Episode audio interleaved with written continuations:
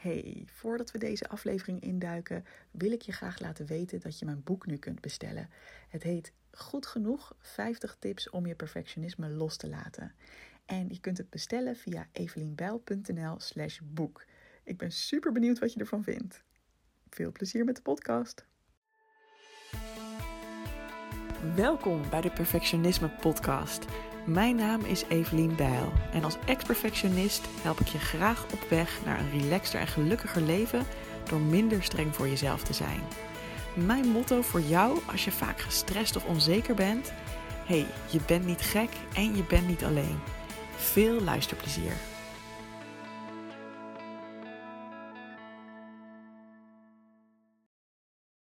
Hey, wat leuk dat je luistert naar een nieuwe aflevering. Ik uh, had net op mijn Instagram stories gedeeld dat ik helemaal kapot ben van al mijn sociale activiteiten. Uh, als ik deze podcast opneem, zit ik nu een paar weken in Berlijn al. En um, ja, ik ben gewoon helemaal los aan het gaan, joh.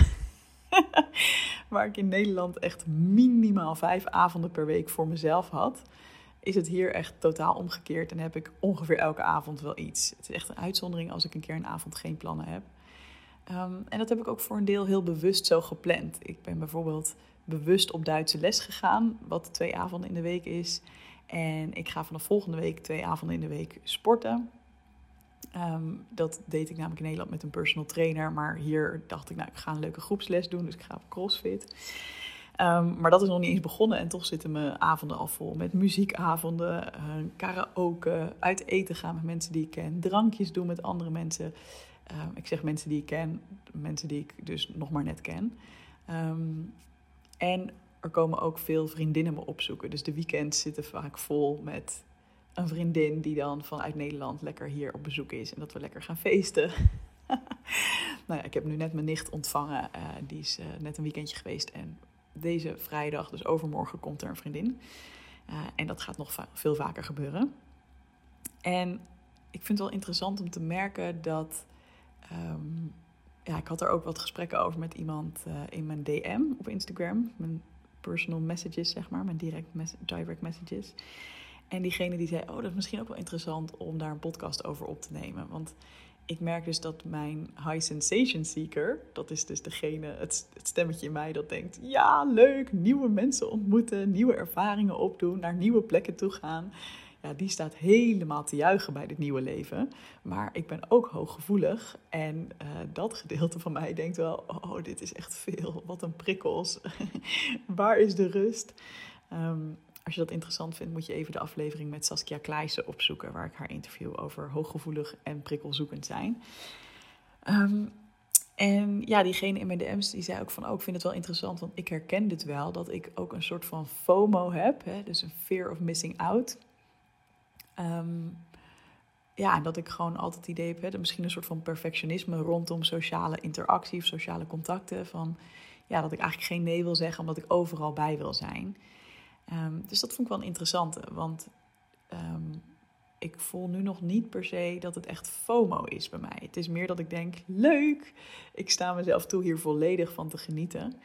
Um, maar ik heb wel wat vragen die ik ook altijd aan mezelf stel om te kijken van, hey, ben ik nog een beetje goed op weg of ja, ben ik echt alleen maar dingen aan het doen omdat ik bang ben om nee te zeggen of omdat ik bang ben om iets te missen. Dus misschien heb jij ook wat aan die vragen. Um, de eerste vraag is gewoon heel logisch: van, hè, waar zeg ik ja tegen alleen maar omdat ik bang ben om het te missen?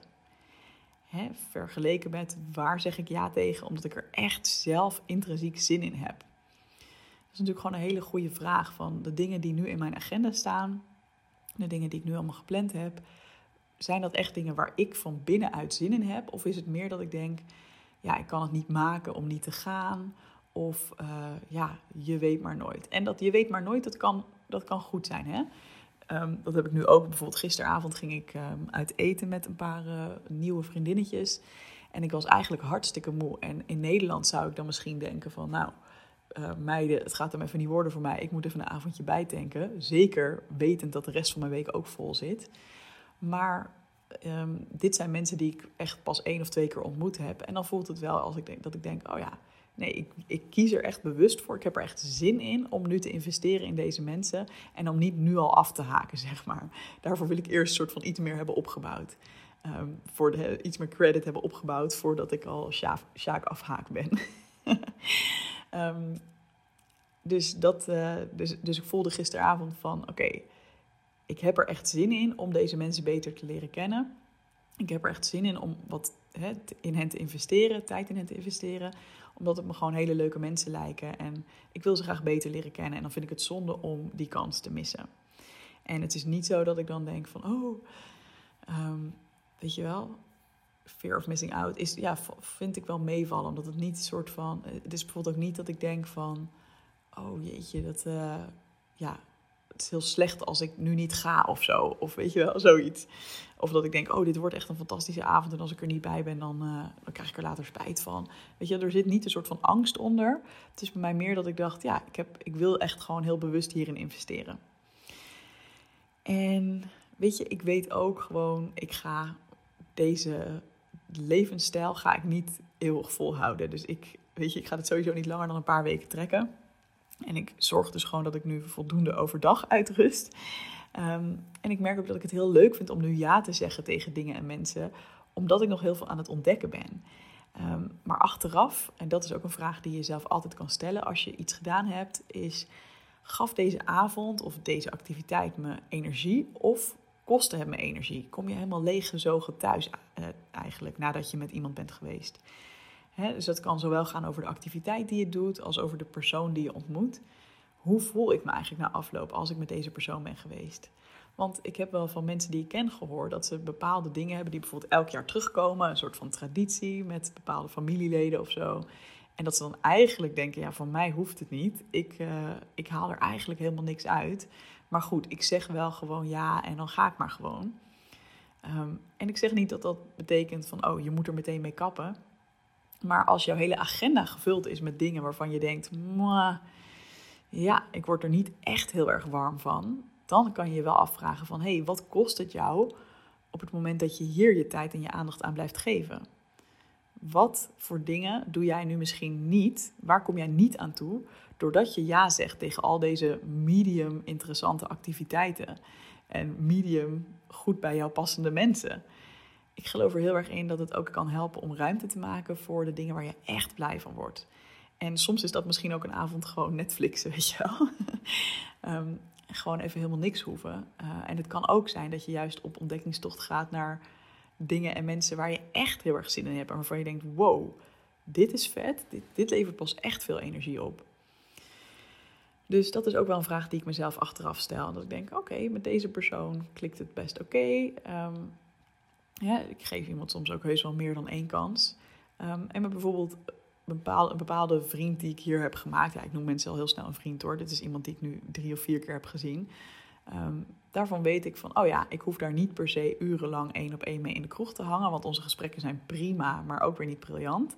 Maar er is wel iemand met wie het heel leuk is om uh, naar een muziekavond te gaan. Hij zingt ook en ja, dat is gewoon te gek om dan met hem zulke soort activiteiten te doen. Daarvan kom ik echt opgeladen weer thuis.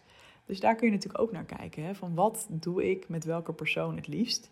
Um, en hoe levert het me dan op die manier meer energie op dan, uh, ja, dan als ik misschien iets anders met ze doe?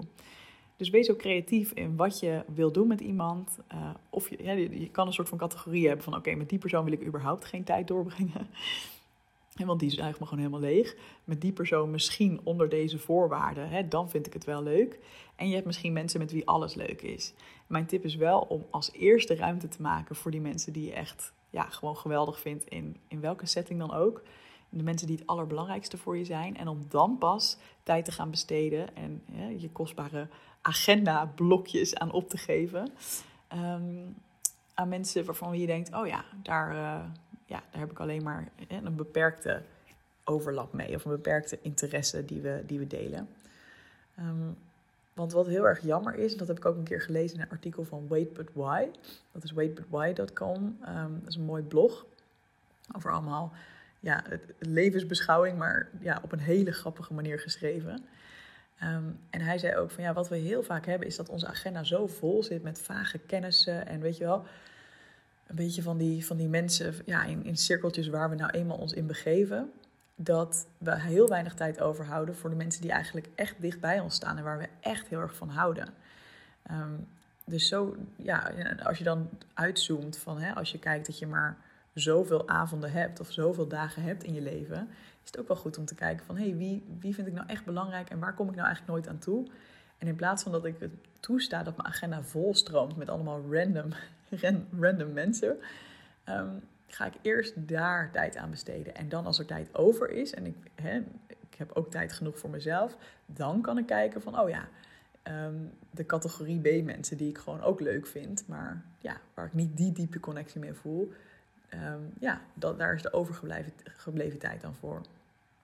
En de mensen waar je eigenlijk altijd weggaat en dat je eigenlijk leger weggaat dan dat je aan bent gekomen, ja, probeer daar gewoon geen tijd meer voor te maken. Uh, ik kan het ook echt niet meer. Ik kan niet meer omgaan met mensen die mij leegtrekken. Dan denk ik echt, oké, dat was leuk, doei. en dan, um, ja, dan ga ik er gewoon niet meer mee om. Dan laat ik gewoon wat minder van me horen en dan ja, hoop ik dat iemand het vanzelf begrijpt. Je kan het gesprek ook aangaan, mm, maar meestal lost het zich wel vanzelf op. Uh, door gewoon de tijd te besteden aan de mensen die je belangrijker vindt. En ook gewoon door tijd voor jezelf te plannen. Hè? Vaak denken we ook van, oh shit, ja, ze vraagt of ik dinsdagavond kan afspreken. Ja, echt geen zin in. Maar ja, ik heb nog niks staan. Shit, moet ik dan gaan liegen? Nee. Dan zeg je gewoon, hé, hey, ik had dinsdagavond even een avondje voor mezelf gepland. Ik heb dat ook echt even nodig. Dus die tijd ga ik lekker nemen voor mezelf. Prima. En uh, ja, dat.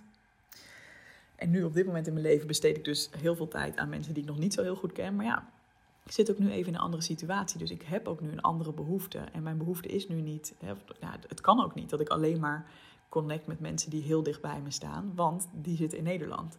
Dus nu voel ik juist, oh, ik sta wagenwijd open voor het maken van nieuwe contacten. Dus dat is op dit moment ja, een soort van het doel in mijn leven. Ehm, dus dan, dan is dat ook oké. En dan, kan ik, dan is dat hetgene waar ik tijd en ruimte voor maak. Alright, um, dat was hem voor deze keer. Ik hoop dat je het leuk vond en graag tot de volgende podcast. Doei doei! Hey, vond je deze podcast te gek? Check dan zeker even mijn online programma Goed Genoeg, speciaal voor perfectionisten. Want heel eerlijk, in je eentje kun je ook een heel eind komen met het loslaten van je perfectionisme. Maar als je meedoet aan dit programma, heb je alle tools in handen om veel sneller deze ontwikkeling door te maken. Ga naar doelgerichtecoaching.nl slash goed genoeg en wie weet zie ik je binnenkort.